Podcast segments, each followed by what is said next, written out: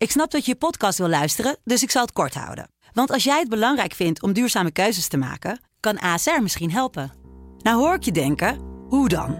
Nou, bijvoorbeeld bij het duurzaam herstellen van schade. Of de premies die we beleggen volgens ons duurzaam beleggingsbeleid. Dat bepaalt waar we wel en juist niet in investeren. Wil je meer weten over welke duurzame keuzes ASR maakt? Ga dan naar asr.nl slash duurzame keuzes. ASR doet het. Zo, dan kan je nu lekker naar je podcast luisteren.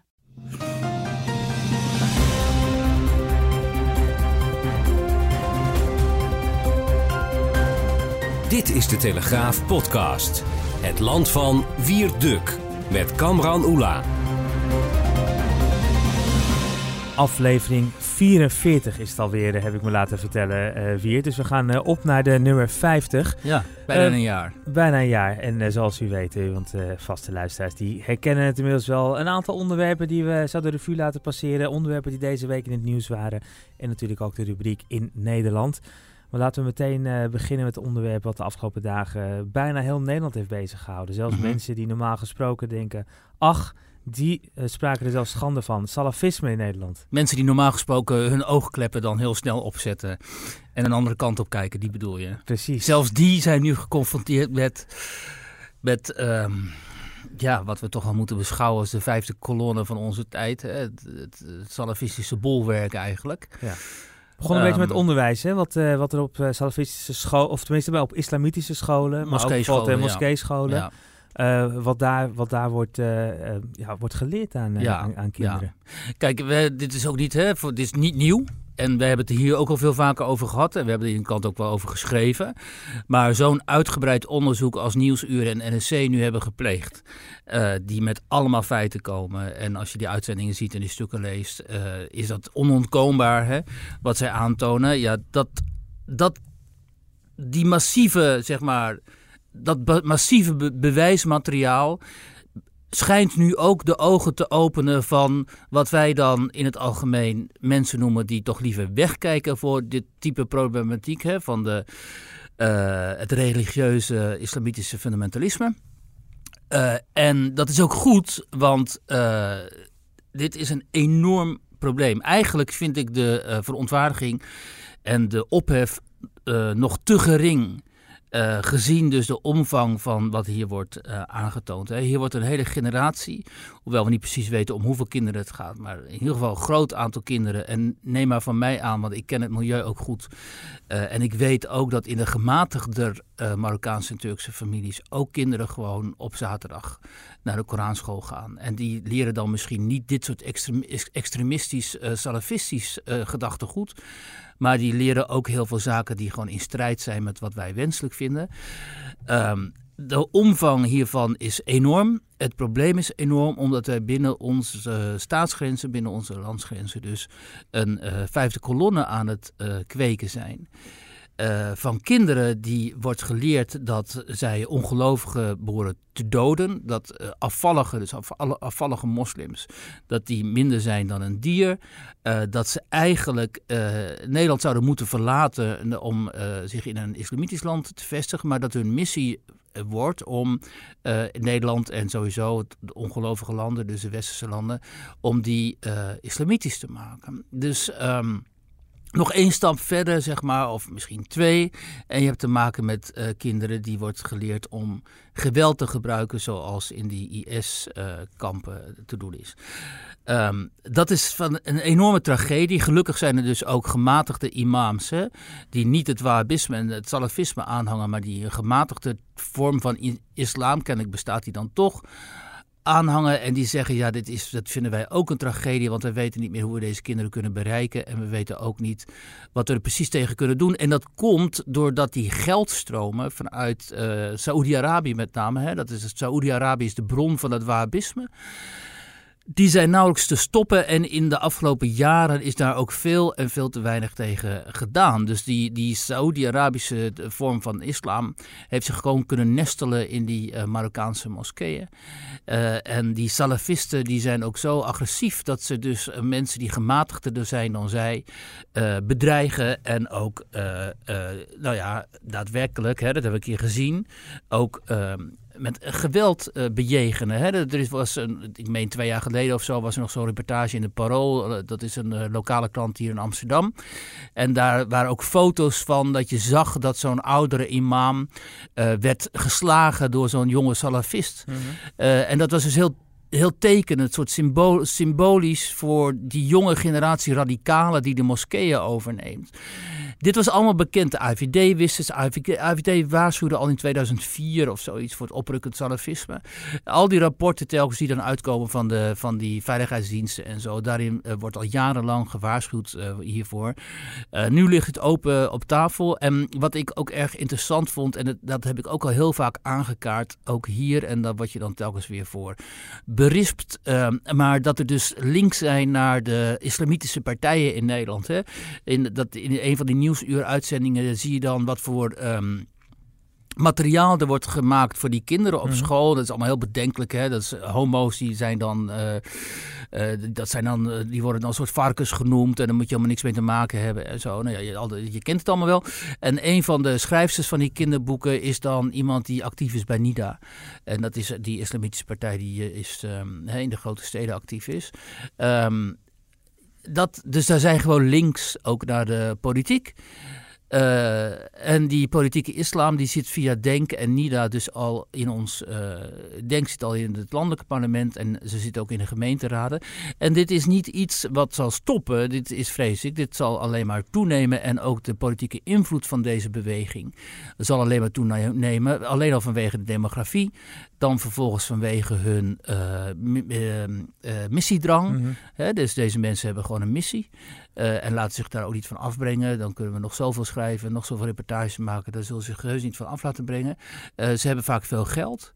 Want dat wordt dus gestuurd vanuit die Arabische landen. Um, dus ga er maar aan staan. En de, um, wat veel gematigde moslims ook zeggen en vrezen... is dat ze eigenlijk deze strijd al verloren hebben. En dat zij zich ook in de steek gelaten voelen door onze overheid. En doordat die niet op tijd dit gevaar heeft gezien. En nu zitten we dus in zo'n situatie. En wat krijg je dan? Hè? Dan krijg je dus die fractievoorzitters van de VVD en van de ChristenUnie en anderen ook. En die gaan dan weer zeggen van dat ze enorm geschokt zijn, dat dit toch wel een enorm probleem is. En dan wordt er gevraagd, en wat gaan jullie hier aan doen? En dan blijkt dat de rechtsstaat hier dus helemaal niks aan kan doen, omdat uh, hier kennelijk niet uh, echt wetten worden overtreden. En dan de gemiddelde burger, die ziet dit allemaal aan en verbijstert natuurlijk. En die denkt, wacht even, hoe kan het dan dat Geert Wilders wel wordt vervolgd vanwege die minder uh, Marokkanen uitspraak. Um, dat deze mensen, uh, dat deze onderwijsinstellingen, waar dus wordt opgeroepen eigenlijk tot moord op ongelovigen en op afvalligen, dat die niet kunnen worden aangepakt. Ja, uh, maak hen dan maar eens duidelijk hoe dat kan. Ja, dat zit natuurlijk, hè, de heftige ding is dat gewoon ongelovigen dood zouden moeten. Maar het zit hem ook wat eigenlijk nog veel meer raakt. Is, zijn bijna wel meer die softe dingen als jongens en meisjes die mogen elkaar niet aankijken. Ja. Uh, Want uh, dat gaat echt om gedrag. En, en, en, en uh, ja, dat, dat ga je dus continu op de straten ook gewoon zien. Ja, en dat is dus ook het lesmateriaal op die basisschool. Hè? Want we hebben het dus in eerste instantie over die moskeescholen, waar die kinderen dan in het weekend bijvoorbeeld naartoe gaan. Maar die basisscholen, daar gaan ze gewoon naartoe. Dat, is, dat is hun dat is regulier onderwijs. Regulier onderwijs. En die vallen dan onder artikel 23 hè, van uh, onder, vrijheid van onderwijs en zo. En daar krijg je dus dit soort lesboeken waarin inderdaad staat dat meisjes hun ogen moeten neerslaan, dat jongens en meisjes elkaar niet mogen aanraken, dat ze gescheiden moeten, van alles moeten doen en zo. Dus dat is ook altijd zo ironisch. Dus al die, dat hele archaïsche wij noemen primitieve gedachtegoed, dat wij in, deze, in onze westerse democratieën in de jaren 50 en 60 van ons af hebben geschud. Hè? Uh, de, de rol van de vrouw, de positie van de vrouw, de positie van minderheden, de positie van homoseksuelen en andere mensen, mensen met andere seksuele voorkeuren en zo, die hebben, zijn bij ons allemaal geëmancipeerd. En dat is ook goed, zo hoort het ook. En nu heb je dus deze groep en die wijst dat allemaal af. En het is een niet onaanzienlijke groep. En die zegt, wij willen hier niks mee te maken hebben. Onze kinderen die willen, moeten ook totaal niet met dat soort normen en waarden, westerse normen en waarden in aanraking komen. Wij zitten in onze eigen wereld en wij hanteren onze eigen regels. En wij wijzen die westerse samenleving gewoon radicaal af. Ja, um, ik wens ons een gezegende toekomst als ik dit zo zie. Want in de grote steden, demografisch gezien, is het aan, aandeel van deze milieus is gewoon niet onaanzienlijk. Hm. Want trouwens, het, nu een mooi staaltje onderzoeksjournalistiek van NRC-collega Andreas Kouwenhoven. En, en, voor de zoveelste keer de afgelopen twee jaar al weer nieuwsuur journalist Milena Holdert. Ja. Ehm, zij, zij maakte dit, deze reportages voor zowel de krant als, als voor het televisieprogramma. Milena had toen ook die scoop met die Syrische rebellen. Ja, dat dus, had ze weer samen met een trouwe journalist ook, zijn ze ook voor, voor bekroond. Maar in ieder geval, dat moet even wel genoemd worden denk ik op dit moment. Maar eh, we hebben het over dat salafisme, we hebben het hier vaak over gehad. Jij spreekt ook vaak je zorgen over uit, dat je dat ook niet meer eh, minder ziet worden. Dat zie je eerder meer worden. Ja. vijfde kolonne heb je het eh, dan ook over. Maar waar ik eigenlijk in dit geval ook zo geschokt over ben, en dan klink ik bijna zoals de politici. Ehm, het zijn organisaties die we allemaal in het vizier hebben. Zo'n Asuna moskee heeft gewoon tot vorig jaar subsidie gekregen van de gemeente Den Haag. Ja. Hoe kan het dan dat het daar plaatsvindt? Ja, omdat dus kennelijk toch die overheden ofwel enorm worden belemmerd door wet en regelgeving, dus niet kunnen optreden, uh, of vanuit politieke, politiek correcte overwegingen niet durven op te treden. En misschien, en eh, dat begin ik zo langzamerhand te vermoeden, is er ook wel gewoon domweg angst. Dat als je dit soort organisaties echt aanpakt en als je echt naar buiten brengt. Um, dat je dit, dat je dit dus niet tolereert, dat die um, diensten en die overheden misschien wel bang zijn voor agressie, voor rellen. Voor, hè. Kijk, Nederland is toch een land waarin eh, altijd geprobeerd wordt alles bij elkaar te polderen. Dat is ook tot nog toe uh, vaak het geval geweest in het contact met deze salafisten. Hè. Jozef van Aartsen die vond dat er met salafisten moet worden gepraat. Ik las gisteren nog een stuk, een oud stuk in de Volkskrant... waarin een van hun commentatoren zei... er is helemaal niks mis met het islamitische onderwijs. Dat is eigenlijk een soort christelijk onderwijs. En het is juist goed dat het bestaat. Daardoor krijgen, krijgt de islam in Nederland... Hè, ook een soort van zuil. En al die zuilen die hebben nu eenmaal hun eigen instituties en zo. Dus dit soort onwezenlijk en, en uh, naïef en uh, irrationele gedachten over uh, de kern van dit salafisme. Uh, heeft toch uh, onze bestuurders en politici en kennelijk ook mediacommentatoren en zo heel lang in zijn, grip, in zijn greep gehad. En het heeft ook te maken met een wezenlijk onbegrip van wat nou zeg maar die fundamentele, fundamentalistische islam is. Hè. Je kunt altijd debatteren of dit nou de, die, de, de, de, de, juiste islam is. dit nu de islam of is dit een orthodoxe vorm van de islam? Dat is zo langzamerhand een discussie die we helemaal niet meer hoeven te voeren, omdat die islam die bestaat in Nederland en we hebben honderdduizenden mensen die zich tot dat geloof hebben bekeerd. Dus we moeten ervan uitgaan dat het overgrote deel van hen gematigd is uh, uh, en niet te kwade trouw is. En dat een klein deel deze orthodoxe vorm, hè, die helemaal teruggaat naar het leven in de zevende eeuw eigenlijk. Hè, ze willen allemaal leven zoals de, de profeet Mohammed. Dus het is een volstrekt merkwaardige sectarische variant. Zo moeten we dat dan maar zien. Uh, en we moeten hopen dat die mensen daaromheen, die zeggen een gematigde vorm van de islam aan te hangen, dat die onze bondgenoten zijn en blijven. Uh, en dat die niet uh, op den duur zullen worden zeg maar, overrompeld door die veel agressievere uh, vorm van hetzelfde geloof dat zij beleiden eigenlijk. Ja, maar, dat, maar de vraag is, is het hetzelfde? Hè? Want het is gewoon, uh, dat, het is inderdaad veel activistisch. Hè? En dan krijg je dus van die dingen die we regelmatig ook zien. Als er kamerploegen in bepaalde wijken zijn dat, dat er jonge lui zijn die zeggen: nee, dit mag niet, dat hoort niet. Ja. vrouwen moeten een hoofddoek dragen, ze mag me niet aankijken. En nu zien we dat dat, hoe die indoctrinatie dus daadwerkelijk plaatsvindt op die moskees. Nou, dat is dus natuurlijk het probleem, omdat deze mensen die hebben de grootste mond. Dus die gaan inderdaad een soort straatpolitie vormen in die, in die wijken. Waardoor mensen die, uh, die geen problemen willen en die, uh, die weliswaar misschien minder uh, gelovig zijn uh, toch denken, nou weet je, ik pas me maar aan, want ik heb geen zin in uh, problemen. Ja, en zo, begint, zo beginnen totalitaire systemen hmm. natuurlijk, uh, natuurlijk ook.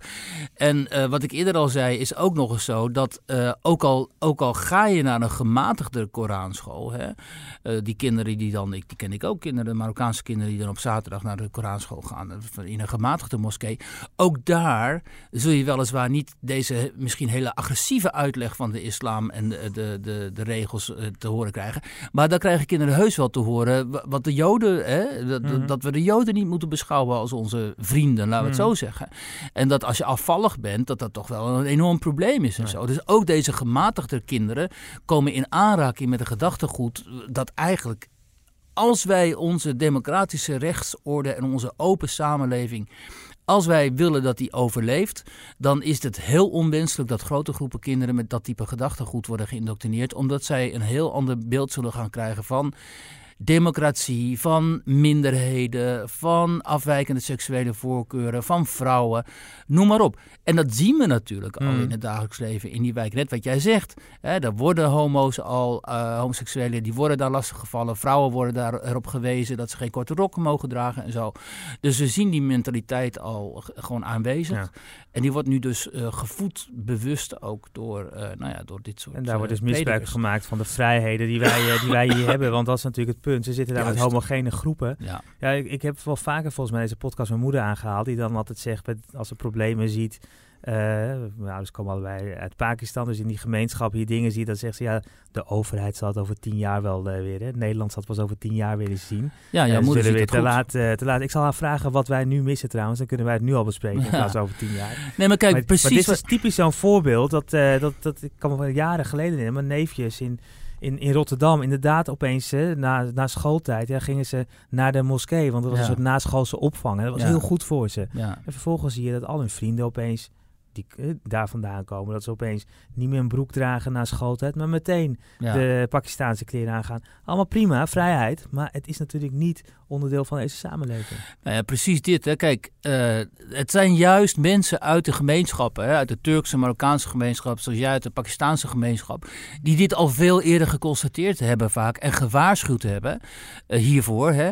En, en dat nog doen, hè. mensen. De Edal Balci bijvoorbeeld, de Turkse jongen, eh Fidel Ekers natuurlijk bij het Algemeen Dagblad. Eh, nou, nou, noem maar op, een hele rij van namen kun je noemen. Van mensen die al jaren zeggen, joh, dit is gaande. We zien het in onze gemeente. Wij kennen die mensen toch? We zien toch wat er met onze kinderen, met onze neven, nichtjes en zo gebeurt. Dus pas op, als jij die westerse democratie overeind wil houden, dan moet je wel weten wat, wat er hier, welke gevaar zich hier aan het ontpoppen is. En die mensen die worden dan. eh, telkens weer vanuit het politiek correcte naïeve kamp, hè, van zeg maar, laten we zeggen GroenLinks, eh, Partij van de Arbeid ook heel sterk, D66 natuurlijk, telkens weer opnieuw, maar ook VVD trouwens hoor, telkens weer weggezet als ehm, alarmisten, als eh, mensen die zoals Ayaan is Hirsi Ali waarschijnlijk met een trauma rondlopen en daarom zo overdrijven. De manier waarop Ayaan Hirsi Ali, die hier natuurlijk ook al lang voor waarschuwde, eh, is weggepest uiteindelijk. En eh, wat er over haar gezegd werd, hè, dat zij eh, juist eh, eh, zich eh, polariseerde. Dat zij degene was die polariseerde. En dat Mhm. zij alle, mosli- alle moslims over één kam scheren, eh, schoor, hoe zeg je dat? En eh, dus dat zij eigenlijk schuldig was. Eh, en op die manier maak je dus het, we hebben ook al eerder gezegd hier, als je de, het spreken erover taboeiseert, dan maak je het probleem onzichtbaar. Dus als jij zegt van, eh, wij willen hier niet over praten, want dat is discriminatie of islamofobie of eh, racisme, dan eh woekert het probleem natuurlijk verder.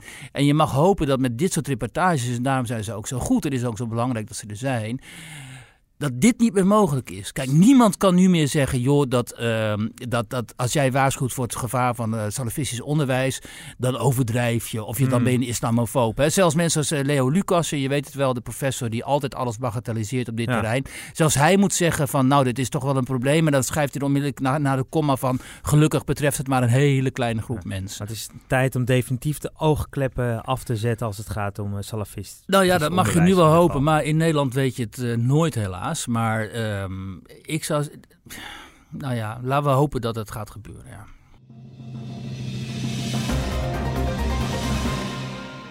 Ja, dan een eh, heel ander bericht eh, wat vandaag eh, opeens verscheen. Twee Nederlandse YouTubers die zijn opgepakt in de Verenigde Staten. ja. Ze waren Area 51 aan het betreden. Dat mag niet. Dat is, dat is zo'n militair, eh, geheimzinnig militair terrein. Er zou Ja. misschien wel onderzoek naar aliens zijn gedaan.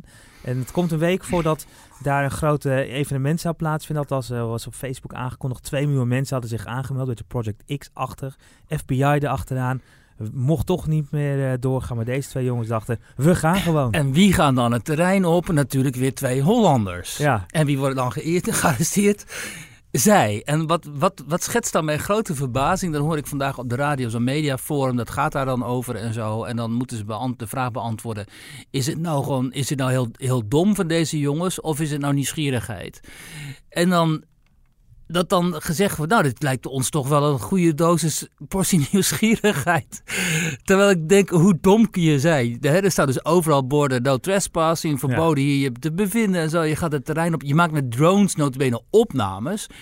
Uh, dat moet je vooral doen in de Verenigde Staten. Of uh, doe het ook eens in Rusland of China of zo. Je draait onmiddellijk de bak in. Of in Iran. Hè? Ja, er was natuurlijk ook een eh, stel uit uh, Australië. Dat waren van die Instagram-bloggers. Die, ja. Uh, die zijn dus ook opgepakt, want uh, we waren een beetje met een vlog, uh, of met, met een drone aan het filmen, hoe mevrouw daar wat schaars gekleed rondliep. ja, en dan, precies, en dan, dan, kijk, ik heb lang in het buitenland gewoond en toen ik in Rusland begon, toen had ik ook een beetje dit type Nederlandse naïviteit over mij nog en zo. Dat, dat duurde ongeveer een maand en toen was dat er wel uitgeslagen daar. Wat is dat toch met die Nederlanders, dat ze denken dat alle andere landen ook wel uh, het gren, de grensoverschrijdend gedrag of wetsovertredingen zullen gedogen. En dat je daar dan mee wegkomt. En dat als je dan zo'n terrein op gaat, wat een van de zwaarst bewaakte. Dat is notabene een legerbasis. Mm Dat je denkt van, ah joh, het, het, we maken een geintje. En dat zullen die Amerikanen ook wel heel leuk vinden en zo.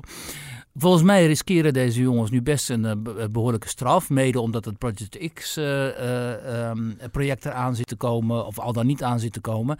En dan begrijp ik dus echt niet dat er dus collega's dan zeggen... Ah joh, dat zijn gewoon leuke jongen, nieuwsgierige jongens. En laat ze hun gang gaan en zo.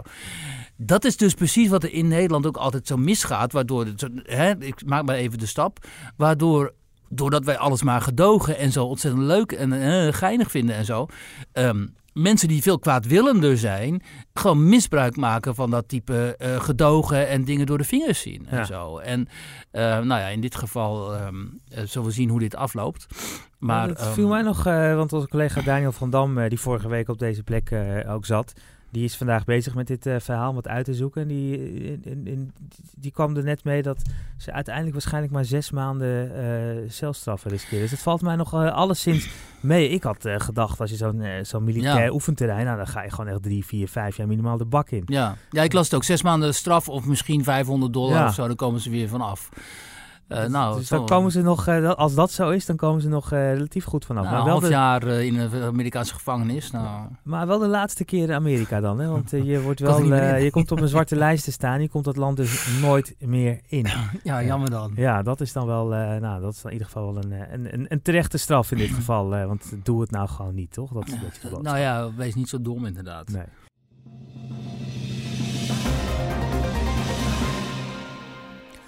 En dan natuurlijk uh, in Nederland elke donderdag uh, in de Telegraaf te lezen, de rubriek. En daar gaat, uh, ga jij elke week ergens anders naartoe, Wiert. in Nederland, deze week in Rotterdam, om precies te zijn in de Afrikaanderwijk. Om nog preciezer te zijn in de Tweebosbuurt. Ja, de Tweebosbuurt. Um, uh, die twee in, daar moet uh, uh, een aantal huizenblokken die moeten daar van de gemeente en van Vestia, de woningcoöperatie, moeten daar verdwijnen.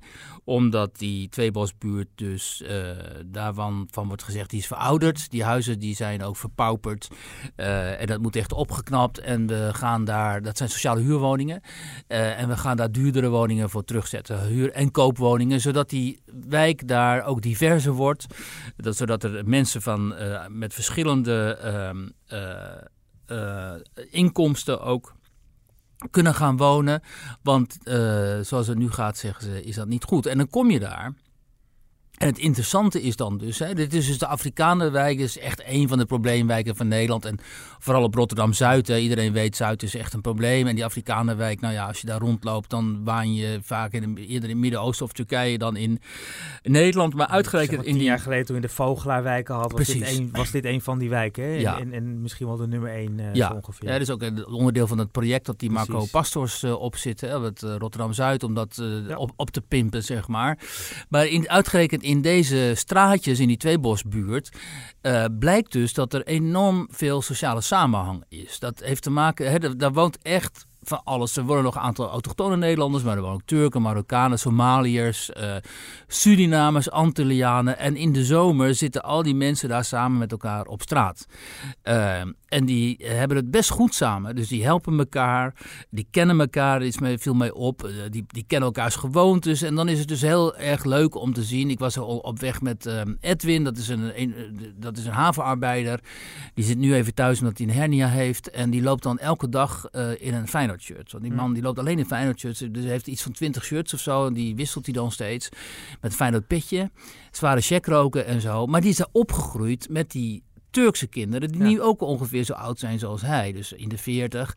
Uh, en die zegt dan, ja, toen die Turken hier kwamen, had ik er wel even moeite mee en zo, want ik kende ze niet en zo. Maar ja, als je ze leert kennen, het worden je buren, je helpt ze, dan uh, raak je ook bevriend. Ja, want laten we heel eerlijk zijn, we zien niet heel vaak foto's uit achterstandsbuurten. Uh, waarbij je mensen met verschillende achtergronden gewoon op één bank ziet precies. zitten. En dat was vanochtend wel het geval. Ja, precies. Dus uh, hij nam mij uh, mee dan naar, die, naar dat Turkse gezin, Yildirim. En dan, dat is ook gewoon echt leuk. Weet je, je komt daar binnen en hij omhelst die vrouwen en zo. En die dochters, Yildirim, Uslem en Emel. Ja, dat zijn gewoon oude vriendinnen van hem van de straat. Hè? Die Mm. zeggen ook, ja, vroeger samen geknikkerd, gevoetbald en zo. En, en allemaal hebben ze nu één belang. Ze willen daar niet weg. Want zij moeten weg, die huizen worden afgebroken, ze moeten weg. En ze moeten dus waarschijnlijk ook uit de wijken weg. En voor hun... Want op diezelfde plek komen minder appartementen en duurder appartementen. Precies, minder appartementen en duurder. En voor hen is, en ik kan me ook wel iets bij voorstellen... Dit is hun wereld. Ze komen daar ook bijna niet buiten. Hè? En dan moeten zij, misschien wel een hoek van Holland of zo. Dat wordt hun dan aangeboden. Hè? Dus die hele, dat hele fijn mazige, mazige netwerk dat zij daar hebben opgebouwd met elkaar. En dat natuurlijk heel kwetsbaar is ook. Mhm. Dat valt uit elkaar. Uh, en ze zien daar verschrikkelijk tegenop. Ik sprak ook met mevrouw uh, Pelger, dat is, die is al 80 en die heeft haar hele leven daar gewoond. heeft echt een hele mooie etage daar aan de rand van de wijk. Daar is ze opgegroeid, uh, daar heeft ze haar zoon gekregen, daar heeft ze haar moeder tot aan haar dood, de dood van haar moeder, heeft ze daar verzorgd en zo. En wat dan ook zo leuk is, dat vind ik altijd zo goed aan de verhalen van dit soort mensen. Die heeft dus ook Marokkaanse buren. Hè? En dan vertelt ze, die, uh, die, die Marokkaanse vrouw, die kende geen woord Nederlands. Maar die ging bevallen van haar derde kind. En het gebeurde midden in de nacht. Dus op een gegeven moment hoort die mevrouw Pelger daar... Um, um, op haar raam enorm uh, werd daar geklopt uh, door die Marokkaanse mevrouw midden in de nacht. Uh, en die kon niet duidelijk maken wat er aan de hand was. Behalve het wijzen op die dikke buik van haar. En die mevrouw, die Nederlandse mevrouw, die begreep dus... oh shit, die dame gaat bevallen, dus hm. ik moet het ziekenhuis bellen of zo. Nou, dus zo zijn ze met elkaar in contact gekomen. En vervolgens heeft zij jarenlang elke dag de kinderen van het Marokkaanse gezin bijles gegeven. Hè. Dat weten we allemaal. Dat is een groot probleem in die families. Die kinderen hebben taalachterstand, rekenachterstand vaak ook. En deze mevrouw die heeft jarenlang van, half vier, van uh, vier tot half zes... heeft ze die kinderen bijles gegeven en dan nog een half uurtje spelletje doen. Ook met die kids, zodat ze ook via een spelletje dan uh, ja. kennis vergaarden. Um, die kinderen zijn uiteindelijk goed terechtgekomen op uh, MBO en HBO en zo. Dus het is allemaal prima gegaan. Maar tegelijkertijd vertelt ze ook over die, over die Marokkaanse man. Dus haar buurman. Dat die. ik meende dat hij een uitkering zat. of gewoon laag betaald werk deed of zo. Maar die heeft wel drie huizen in Marokko. En die vertelde een tijd geleden haar met vol trots. Van, dat het volgende huis is een echte villa Ja. en, uh, maar er komt nooit een bloemetje af voor het helpen van die kinderen, weet je wel. Dus zij is helemaal niet blij met die Marokkaanse man. Ze zegt, ja, die denkt alleen maar aan geld. Hè? En ze zegt, ik deed het niet voor de dankbaarheid of zo, want uh, ik deed het voor die kinderen. Maar die Marokkaanse man heeft mij verder nooit zien maar staan. dit zijn gewoon, hè, als je het zo hoort, Gouden dit zijn verhaal, gewoon echte toch? verhalen Ja. van, van gewoon een, een buurt die echt een buurt is. Ja, dit zijn dus ook geen sentimentele verhalen. Nee. Want deze Nederlandse mevrouw, die zegt toch gewoon keihard... ja, maar die, Ameri die Marokkaanse buurman, dat, dat is gewoon geen leuke, geen Nee. leuke vent, weet je wel. Uh, maar ondertussen voedt ze wel ongeveer zo die, Nederland, die Marokkaanse kinderen op. Hè? Nou, dat, is, dat zijn de verhalen die je hoort in die buurt. Ook fantastisch verhaal van een Somalische postbode... Hele slimme gasten ook, die uh, zijn huis vol met boeken schijnt te hebben. En die zit dan ook bij zo'n protestavond, zit daar, is hij daar aanwezig. En die ziet gewoon, en dat ziet hij heel goed, als postbode fietst hij door die wijk. Hij ziet heel goed wat er gebeurt. Namelijk dat de gemeente die, die samenhang in die wijken aan het ontwrichten is. Mm. En weet je, ook daar is wat voor te zeggen. Want natuurlijk zijn die huizen deels verpauperd en moeten worden opgeknapt. En het is ook waarschijnlijk goed als er wat meer uh, robuustere inkomens naartoe komen ook. Om die wijk een beetje hè, steviger te maken, ook sociaal-economisch. Maar de gemeente Vestia hebben echt veel te weinig rekening gehouden met hoe sterk die samenhang en die gemeenschapszin daar is. En dat dan zo'n Somalische man of, zo'n, of die Turkse vrouwen en ook een Marokkaanse man, overigens, die me daarop wees, dat, dat die ons daar dan op wijzen, samen met die meneer die dan zo van Feyenoord houdt en zo. Dat is de werkelijkheid. Hè? En uh, de werkelijkheid is niet sentimenteel, dat is het goede eraan. Hè? Sentimentaliteit is in mijn ogen uh, dwepen met, uh, laten we zeggen, dwepen met een, een, een, um, een, een multiculturele samenleving. Of met een etnisch laten we zeggen, etnisch monoculturele samenleving, wat aan de beide flanken gebeurt. Hè? Terwijl de werkelijkheid is dit, weet je wel. Die is veel genuanceerder, veel rauwer ook. Uh, want die mensen hebben natuurlijk ook best wel ruzie met elkaar en zo. Maar ja, dit zijn de echte, echte uh, levens. En als daar vanuit de overheid en vanuit zo'n woningcoöperatie zozeer in wordt ingegrepen, ja, dan heb je wel wat uit te leggen, vind ik uh, eerlijk gezegd. Ja, en dat is dat vooral de gemeente die, waarvan je vindt dat die het uit te leggen heeft, samen met die woningbouwcorporatie nou, dan. Ja, kijk, en de gemeente, kijk, alle grote partijen die steunen dit project. dus die burgers, dit volksverzet, zeg maar, zoals ik het noem, die krijgen steun van SP natuurlijk, van 50 plus. Ehm, maar ook van Denk en Nida. En dat is ook weer zoiets daar zit ook in deze wijk het electoraat van Denk en Nida. Hè? Dat zijn die islamitische uh, partijen. En die zetten zich op een SP-achtige manier activistisch in voor deze mensen. En dan ontstaat dus het ontzettend grappige uh, situatie dat deze 80-jarige, zeer Rotterdamse Nederlandse dame tegen mij zegt: Joh, die jongen van Denk, die is een beetje mijn, als mijn zoon geworden. Die komt mij telkens opzoeken. En ik denk dat ik de volgende keer op, op hun ga stemmen. Weet je? Nou ja ik begrijp het wel. Die vertegenwoordigt haar belangen. Ja. Maar het is wel denken. Hè? Ja. Dus uh, dat is echt fascinerend. Weet je wel. mensen moeten echt vaker in dat soort wijken rondlopen. Dan zie je hoe zich dat, uh, wat voor ontwikkelingen daar allemaal gaande zijn. Dat waren eigenlijk alweer de drie onderwerpen voor deze week, uh, ja. Wiert. Uh, in Nederland uh, uitgebreid natuurlijk ook vandaag in de krant en op de site te lezen. we nemen het op zo, wat is het, zo rond de klok van twee uur, tussen 1 en 2 vandaag. vier uur online en nou, misschien zijn mensen het nu op de donderdagavond aan het luisteren. Misschien is ja. het alweer inmiddels bijna Prinsjesdag. want volgende week is het Prinsjesdag. Oh ja, Dan zullen we het ongetwijfeld ook iets meer over de politiek hebben. Misschien wel over Geert Wilders, over Baudet. En net is uh, bij Baudet nog alweer bekend geworden dat uh, zijn nieuwe woordvoerder, die is maar twee maanden Christo. zat, Christo, die stapt ook weer op. Uh, die ziet het, maar geen ruzie, zegt hij. Hij, vindt het, hij ziet het niet zitten. Het, het, is niet helemaal zijn plek. kan. Maar niet, hij is niet overwerkt of zo? Nou, hij zegt het is niet mijn plek. Dit is niet, dan ben ik niet iemand die een beetje achteraan hobbelt. Nou, dat houdt echt niet op, die soap daar, zeg. Nee. Ja. Ja, nou ja, kijk, uh, die eerdere woordvoerder die nu in de Eerste Kamer zit, dat was een ramp. Ja. Ik geloof dat Christo het wel wat beter deed. Ik ben benieuwd. Uh, dat is natuurlijk echt een vertrouweling ook van, uh, van Thierry Baudet. Ja. Ze vragen hoe het straks gaat. Nou. Ik ben benieuwd wie ze nu weten te strikken. Dus de vacature komt ongetwijfeld binnenkort ergens. Ja, ambitieuze jonge communicatiewetenschappers dus stel je op in een rijen van of rotten van drie. nou ja, we zullen ongetwijfeld de komende weken... Ik weet niet of de algemene politieke beschouwingen meteen na Prinsjesdag zijn of een week later. Maar we zullen dat uh, uh, ongetwijfeld ook weer in de gaten houden. Want ongetwijfeld gaan daar in ieder geval de heren en de enkele dames ook weer zinnige dingen of onzinnige dingen zeggen. Die weer een beschouwing nodig hebben. Dat was hem? Jan Roos.